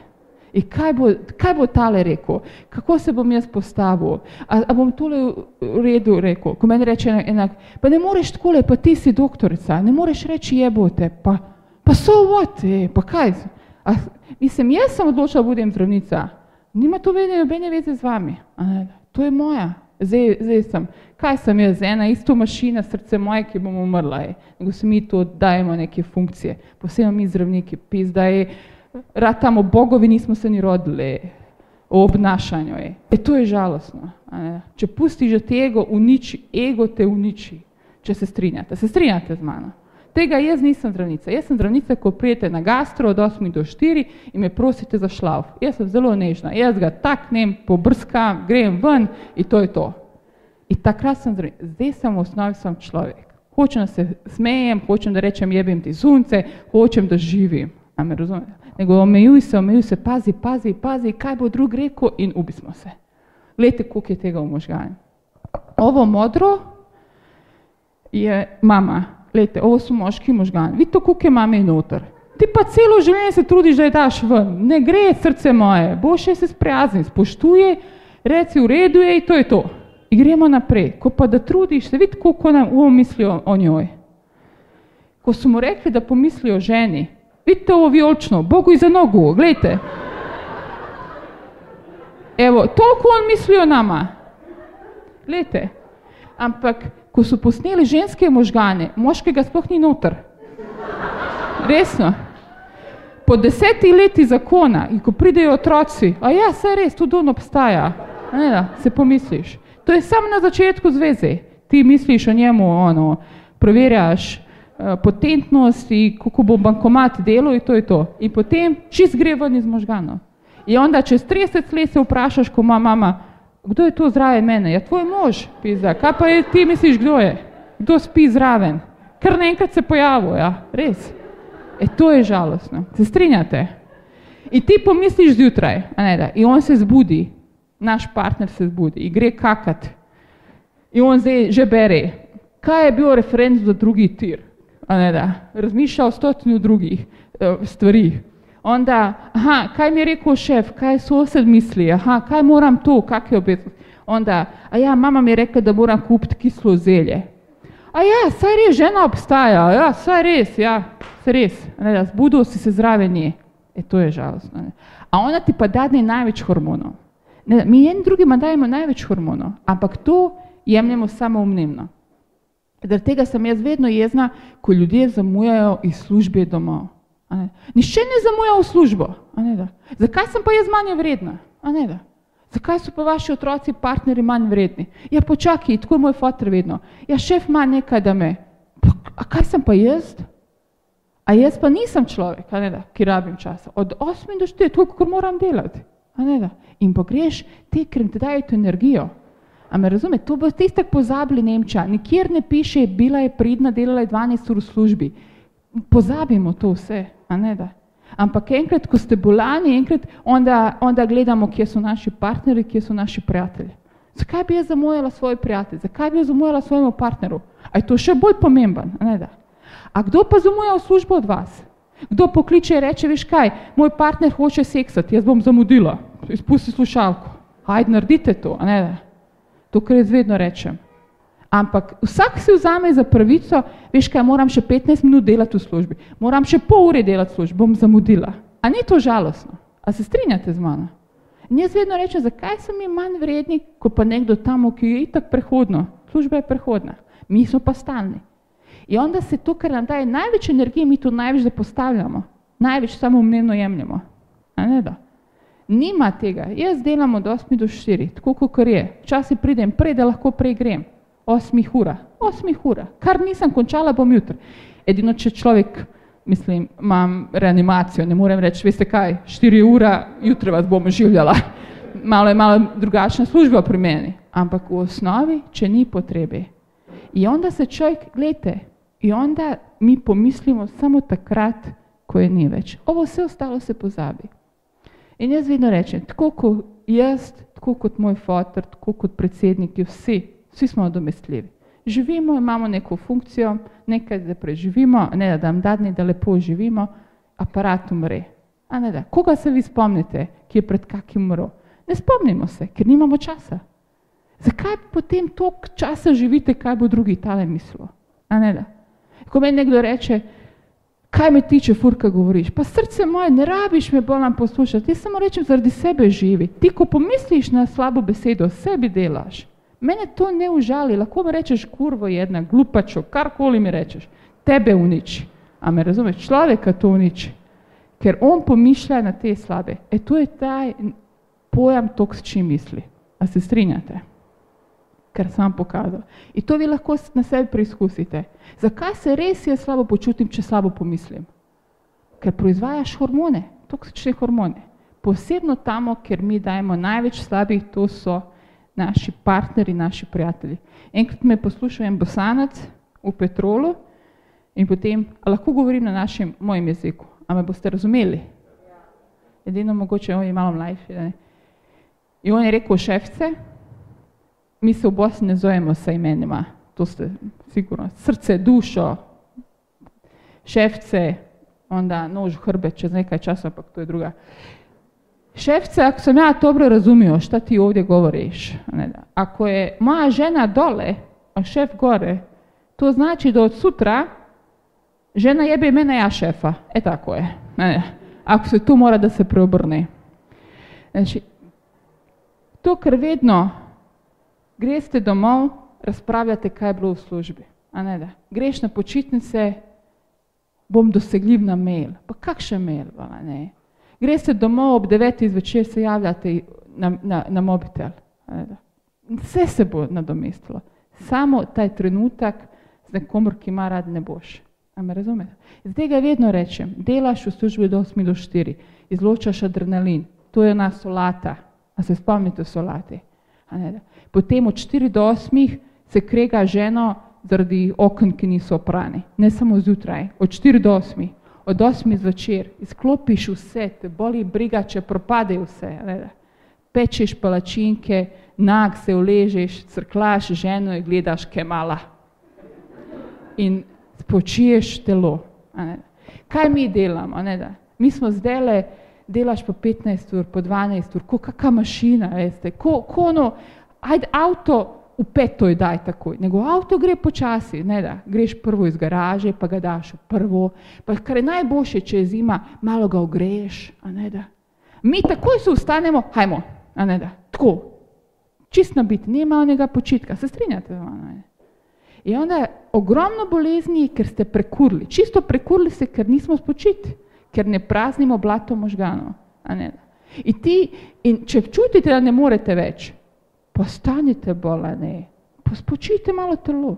Jaz vedno rečem, a ti poči guma na avtocesti, da počakaj do 15. junija, a ne da, pa te bom zamenjala. Takoj zamenjaš. Samo sebe ne poslušate. Greš čez sebe, a ne da. Utrujen si, greš čez sebe. In jaz vprašam vsakega človeka, kdaj si čutil prve simptome bolezni, pred tremi leti, pa kaj zdaj iščeš bolan od mene? Pred tremi leti ti je telo reklo, da ne more več. A se kdo ustavi? Ne. Hajmo. In še danes je taka družba, če se ustaviš, pa rečeš, da ne moreš več. Onda pridejo oni pametni, jo, kakva si pičkica, ne možeš več, e, ne mogu več, razumeš me. A ne daj. In to je vedno ono, veš, pa kako ne moreš, kako, ajde, pa daj zdrži, a ne da. In to je kar meni, eh, kar meni včasih kolege. E, kaj greš osem? Ja, osem ur. A ne moreš več držati? Ne morem. Eto, pač pičkica sem ištač sada, odku, odo na masažu. Eto kot da je to zele, veš, ko mora nekdo drugi povedati. Ali pa tele pi, pije eno pivo in mi je lepo, a ne da. In onda pijejo kolege tri pive in onda rečejo, pa kakva si bola, ne možeš piti, uzmi še tri pive. Onda on pije tri pive, pa štiri pive, samo da dokaže. E, to je ta, a se strinja? Da, evo, bom jaz njemu dokazal, da jaz lahko imam večjega. Nema srce moje, nema večjega. Sima se osuši, tako pride je vaša in naša. A ne da na koncu življenja. Jo, zdaj sem bila malo huda, se upravičujem. Ampak to je, ker vas imam rada. Jaz imam rada človeka. Samo vi sebe nimate radi. A me razumete? To vam lahko rečem. Mi, ovo našo mašino, ti, ga, ti prekuriš celo življenje, ga, a ne da? In onda pride bolezen, gospod doktor, jaz sem zelo prijazna, verjemite mi. Zelo prijazna, zelo empatična. Maksimalno dadnem do bolnika do štiri. Poslije štiri pozabim, da obstajate. A me razumete? Vi pa prekurite celo, ja, bo zdravnik mislil na mene. Ne bo. Lejte, ne bo, ker je to plača. To je čisto preprosto in drugega. Zakaj prekurite? A vi prekurite svoje avto, avto mehanika ima rad, nima. In on plati 500 evrov za to gumo. A me razumete? Znači vse negujemo, razen sebe. In onda stojni želja, ki ste imeli celo življenje, a ne da, kao bom enkrat enkrat bo, ne bo. Tako se življenje spremeni. Ene. Jaz sem šla po vodo, na pol poti padla granata, jaz bi lahko umrla. Tako življenje. Tako kot slišite stojenih primerov. Gre na pregled kar naenkrat raka. Zdaj bi vse naredila. In tako jaz poslušam svoj bolj. Samo mi pozdravite, bom odjebal vse ostalo, ne bom se več sekiral. Ne more, prepozno je. A me razumete? Včasih je prepozno. Ne mojte, da je prepozno. In samo na koncu, najbolj raziskovan primer je bil Steve Jobs. On se je spraševal, zakaj umiram. Zakaj umiram? On je bil star 52 let, je umrl in je rekel, zakaj, zakaj se moja mašina se bo ugasnila? Bil je milijarder, naredil je vse, kar je. Dobil je raka na trebušni slinavki. Zamenjal je trebušno slinavko, dobil novo, dobil je nova jetra, če vse organe od vratu do lulčka. In čez pol leta spet umrl. Kaj pa ni mogel zamenjati? Kaj sem vas danes naučila? Logično. Kaj ni mogel zamenjati? Pora. A ne da? On je imel toliko blata gore, da se je celo življenje, da se je praznilo, a ne da. In je imel stresnih kortizolov 124 krat, ko pa je normalno. Zamislite, kako je to pritisk. Evo zdaj, da jaz ime. Martina. Da jaz me pritiskam Martino zunaj. Da, raz, da logično razumete. Pritiskam, pritiskam. Ona bo čez nekaj časa takole. E zdaj zamislite, ko blato možganov pritiska, pritiska in potem sami organi rečejo, fuck you, gledaj, če ti ni misliš na mene, bom jaz bolela. Logično razmišljate. Znači spet sami sebi naredi. In to je to ona, ona izreka, vse je iz glave. In res je vse iz glave. Ampak, ker mi notrno filamo, mi to praznimo. Mi, mi, mi se obremenjujemo z nekimi stvarmi, ki nimajo, ne vemo sploh, če se bo razrešila oziroma nekomu nam nekaj reče.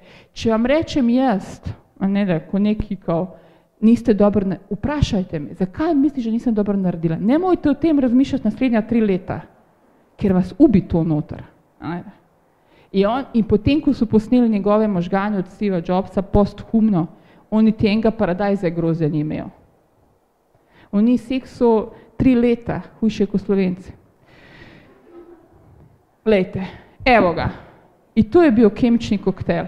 A to vse že poznate? Poznate. Pa dejte, prosim vas, gledajte. Samo vas eno prosim, gledajte, na mene čist pozabite, da obstajam. To sploh ni pomembno. Ni, nisem jaz pomembna, vi ste pomembni. Jaz sem vam dala ogromno znanje, ker sem zbirala 20 let. Sem vas izobrazila. To je paradajz grozdje. To je. To nima tablete. To je življenje. Ne. In to je, kar se boš ti zapomnil. Vse vas čaka smrt. Vse čaka jaz. Jaz vas čakam, vam dadem morfi za bolečine, vi, aha, aha, fikala. In, potem prihajajo oni, oni partnerji ali, vaši partnerji umrejo in da se vi tam po hodniku valjate, joj, ni ga več. Pa tri leta smo se kregali, jebi ga, le, na to misli prej, ne bomo, ko umre. In onda, ko umre, mi onda začnemo njemu misliti zdaj le, v tem trenutku. Ne. In to je 140 hormonov. To so dali Nemci in Švicarci 550 milijonov evrov, da mi to odkrili. 550 milijonov evrov. Pa pet na vas, moji babci, ki živi 103 leta, on samo če to reče, da moraš, da spiš, da se spočiješ, da te boli kurat, kaj bo rekel Donald Trump, ki oni nimajo na vas, nimajo ni radi, oni sploh ne vejo, da obstaja. In moja babica, zdaj so dobili Nobelovo nagrado, eh, dva moška, ker so ugotovila, da mi moramo spati 8 ur. Jebote. To je Nobelova nagrada, ne, da. pa to sami vemo, da, ne, da. prvo so nas prekurili, kao rekli, lahko mi 4 ure ono, funkcioniramo, in ko smo zboleli, je, zdaj so dobili Nobelovo nagrado, zdaj so mi ugotovili, da morate spati 8 ur. Ja, bingo je, a ne da.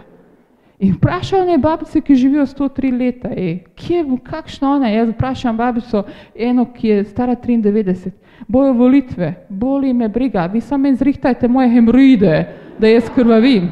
Kakve volitve nju briga, ej, mislim. Z tega živi 93 let, kaj se pa preveč, in to je osnov, malo se hecam, ampak. Izvedam vam dadnem praktične dokaze. A vaše otroke, ko imate krče v želodcu, kaj vi delate? A mu masirate trebuh, ustan se aleš. A mu masirate trebuh, a ne da. In kaj se naredi? Popusti. Ker je dokazano, a lahko malo. Ve.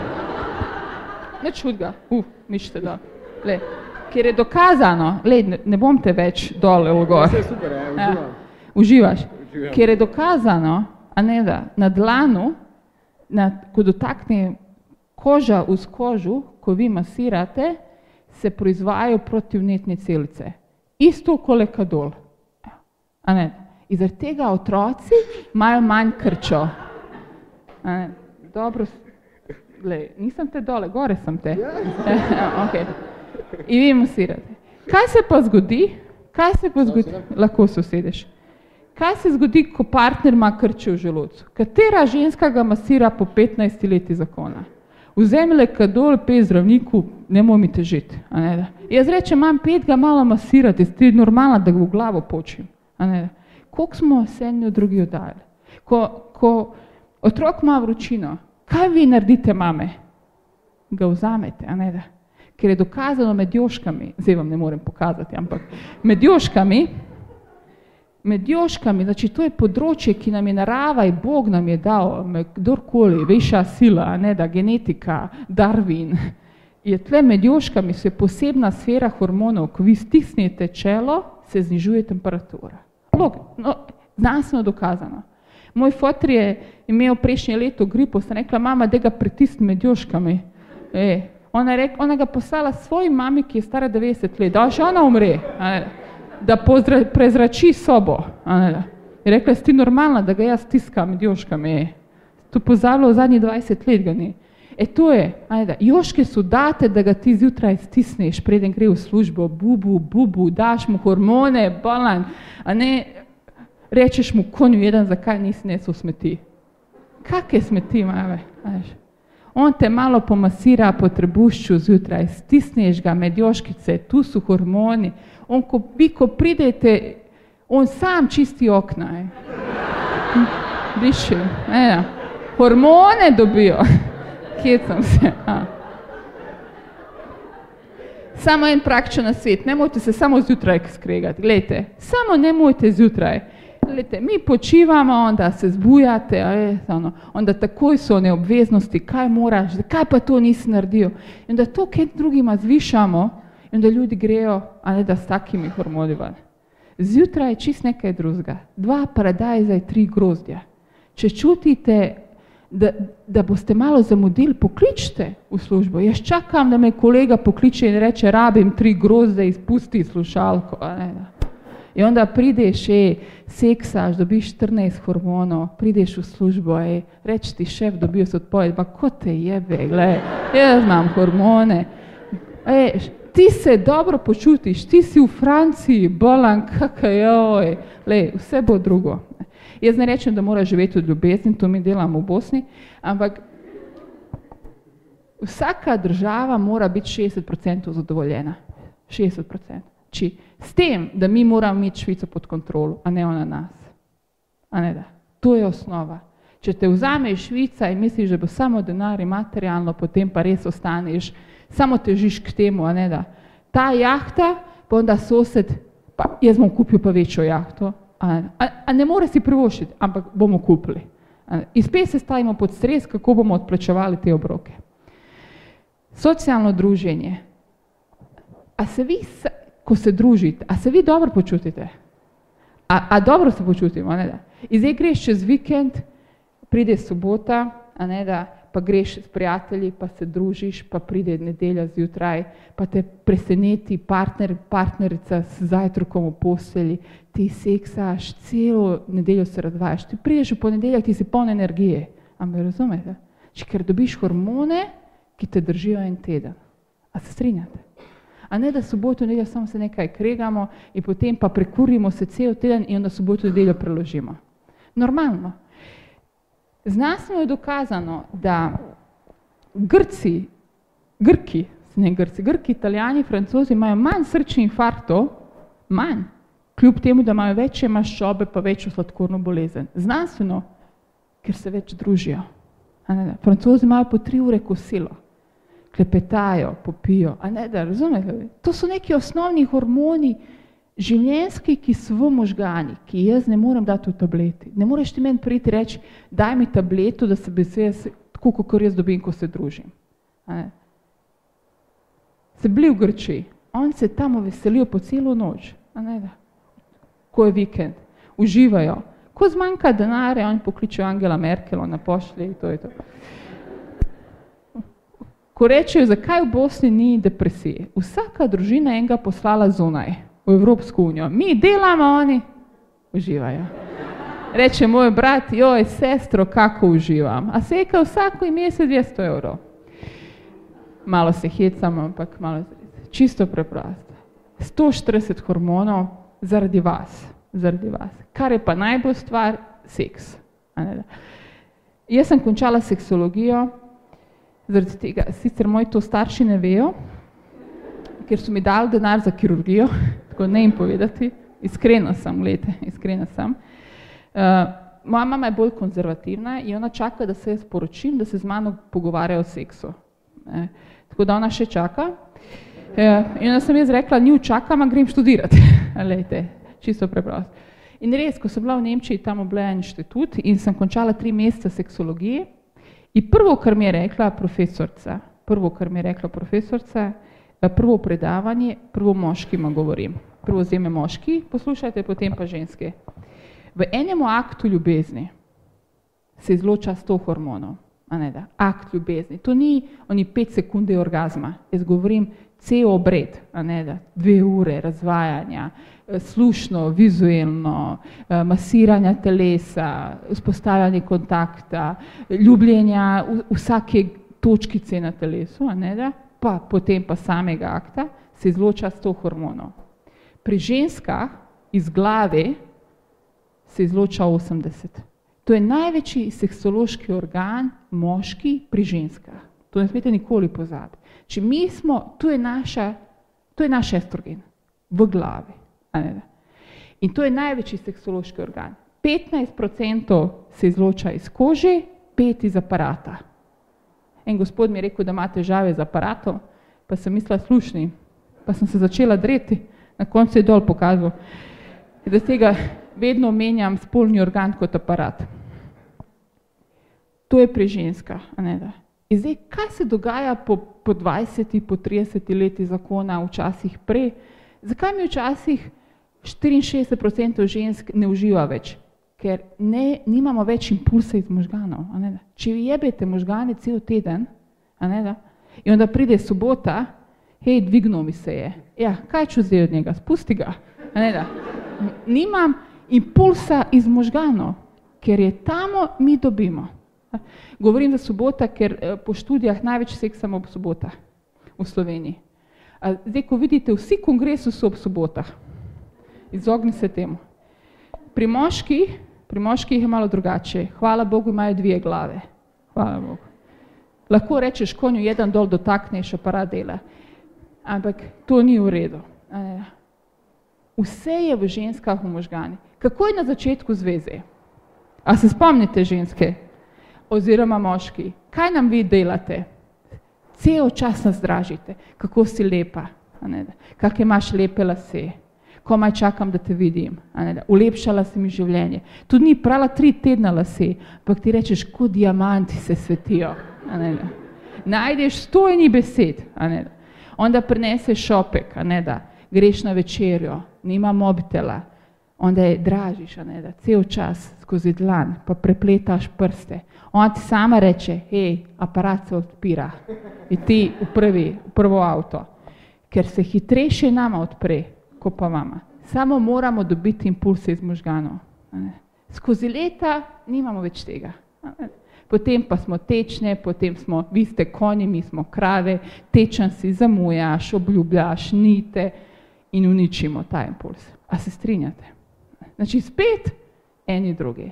In ko so delali študije v Nemčiji, Švici, Švedski, ko so ženske, ki so bile, ki so se ločile, pa so bile stare 50, 60 let, 70 let, pa so spet najdli enega, ki je dražil možgane, so kot kenguri skakali v postelje. Znači, spet se je aktiviralo. A ne, da. E onda pride ono neka suhoča mena, vse je estrogen gor. Samo odvisno od vas moški, kako nam to nadražite. In nemojte čez leta, da to, kar nam je daje največ energije, postane ono, ko se mi, ono, ko se spomniš enkrat, ne da. Ker najstrupedniji hormoni nastajajo takrat, ko nekaj obljubljamo, pa to ne izpolnimo. Ker človeka ti jo rečeš, bom prišel danes večer, pa gremo v pozorišče, pa ti razmišljaš o tem, da že oblečeš se, veseliš se k temu, in onda on pokliče Alona, moram ostati šef, je rekel. In onda mu, samo mu, cik, a veš, narediš padec hormonov. In tako narediš enkrat, dvakrat, trikrat, četrtič, kot te jebe. Več ne verjamemo. A se strinjate? Znači, spet, ko gledate neuroznanstveno, spet smo največ sebi naredili. Eni drugima največ delamo. Pete v službo, pa recite šefu konju jedan. Recite trikrat, boste dobili odpoved. Ker tam razmišljamo, kaj bomo rekli. Razmišljamo zunaj. Vi recite meni kravo, ampak ne mojte reči temi, ki so, ki imate največ rade. Hvala, da ste me poslušali. Uf, fuck, zdaj sem pa res podaljšala. Ampak upam, da nisem preveč, res, ker sem se ful uživela v Maribor, res. Hvala vam, da ste me. Um, se opravičujem, da je Olimpija zmagala, je bila prva, gledajte, jaz nisem nič kriva s tem. Ko sem rekla, da grem danes v Maribor, gledajte, jaz to res ne spremljam, ampak ko sem rekla, da grem v Maribor, so rekli, uh, ne moramo iti z ljubljansko registracijo, mislim, e, pa kak je to ima zvezda, ne da. Znači, zakaj bi se mislil, hecam se, ampak prenesla sem vam kot neuroznanstvenik vse to, kar vem.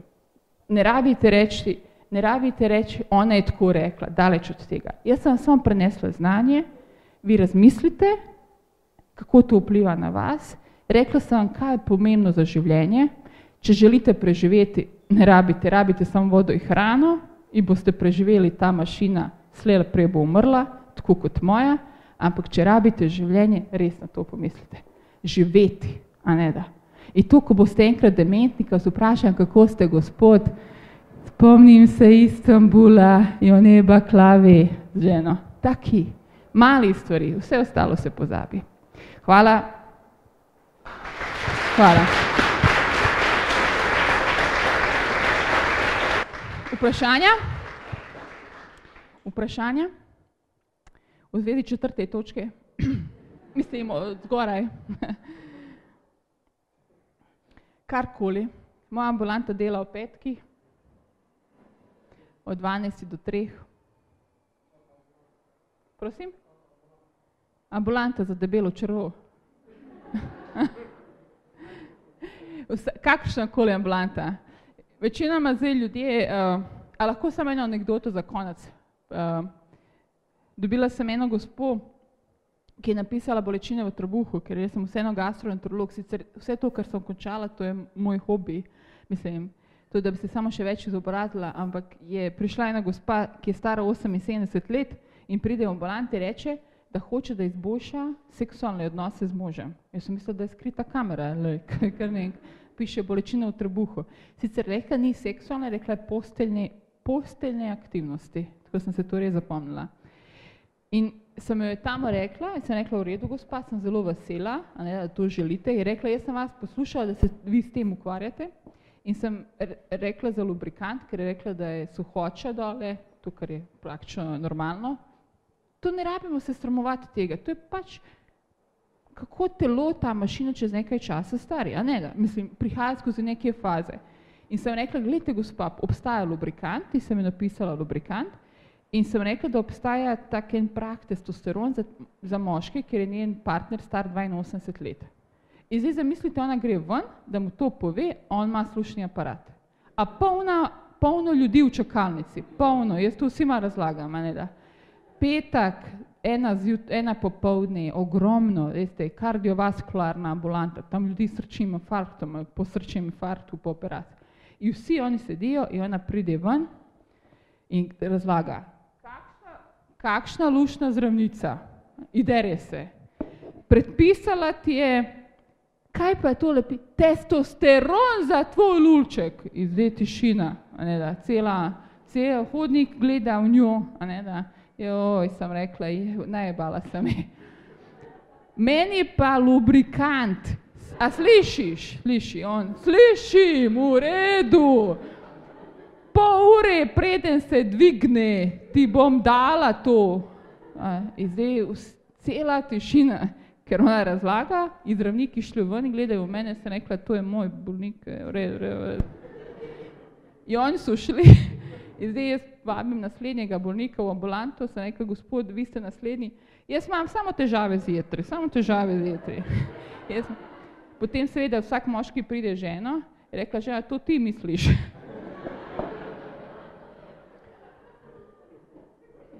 Jaz samo, Dajte, ne smemo, vse, kar je, kar je, kot sem rekla, najbolj stopenje so laži, sovraštvo za telo in kreganje. Za nas same, a ne da. In, in spet na koncu te stresne kortizole sami sebi sva. E to je to, kar rečejo mi, je vse iz glave. Ker je, to so pa dobili Nobelov nagrado in znanstno dokazali obstajanje toksičnih misli. In vi na sebi preizkusite, če nekomu slabo mislite, kregate se, kako se vi počutite? Sjebano, slabo. Zakaj? Ker imaš stresne kortizole. In zdaj zamisli, kako to, če celo življenje takole, potem se pa ne vprašajte, zakaj je moja mašina oslabela, ker smo spet sami. Z druge strani, kar je pa zelo dobro, ko taj por začnete prazniti, ko se zavedate, da ga imate, zelo hitro ga boste spraznili. Zelo hitro. Samo kakor ga polnite, tako ga i praznite. In jutr zjutraj, prosim vas, da me se spomnite. Ono, na, ena gospa mi je rekla, vsak dan, ko kakam se vas spomnim, hvala. Ne. Tako se napinjajte, rečete in nasmejte se, saj res, Sanela je rekla, da moram. In to je edino, kar želim, da me se. Vse ostalo, da premislite, da, da, da vidite dejansko, da se človek ozavesti, da smo omejeni. Da smo omejeni z našim življenjem. Zakaj ga ne bi izkoristili za neki luksus? Ne? Zakaj jaz moram zdaj dokazati svojemu sosedu, da je takole, ali jaz moram dokazati svoji taši ali pa karkoli, komorkoli, ne. To je ono, ne da, če ga dokazovanje nekaj. Brez veze, ne da. Moje življenje imaš moje življenje. In vse se pozabi, veš, ti se trudiš, ja, ljudi bojo rekli, koliko sem jaz bil uspešen. Meni to ni pomenilo. Nekdo reče, kako sem jaz bila toliko uspešna, ali da reče, bila je dobra predavatelj. Hvala vam, a ne da. Ampak jaz, jaz vseeno bi te svoje hormone, a ne da, ker sem bila v bolnici. In enkrat, ko si bolan, samo se spomniš dobrih stvari. A ne da. A vse nas to čaka. Ni, nas, ni treba, da si tega strah. Samo Veš, enkrat, ko si bolan, se spomniš Atlantika, tako kot mene, ej, još taki stotno stvari, vse ostalo je v redu. Zdaj vas pa dost mami, tudi vi mene. Pejte domov in delate četrto točko. Hvala.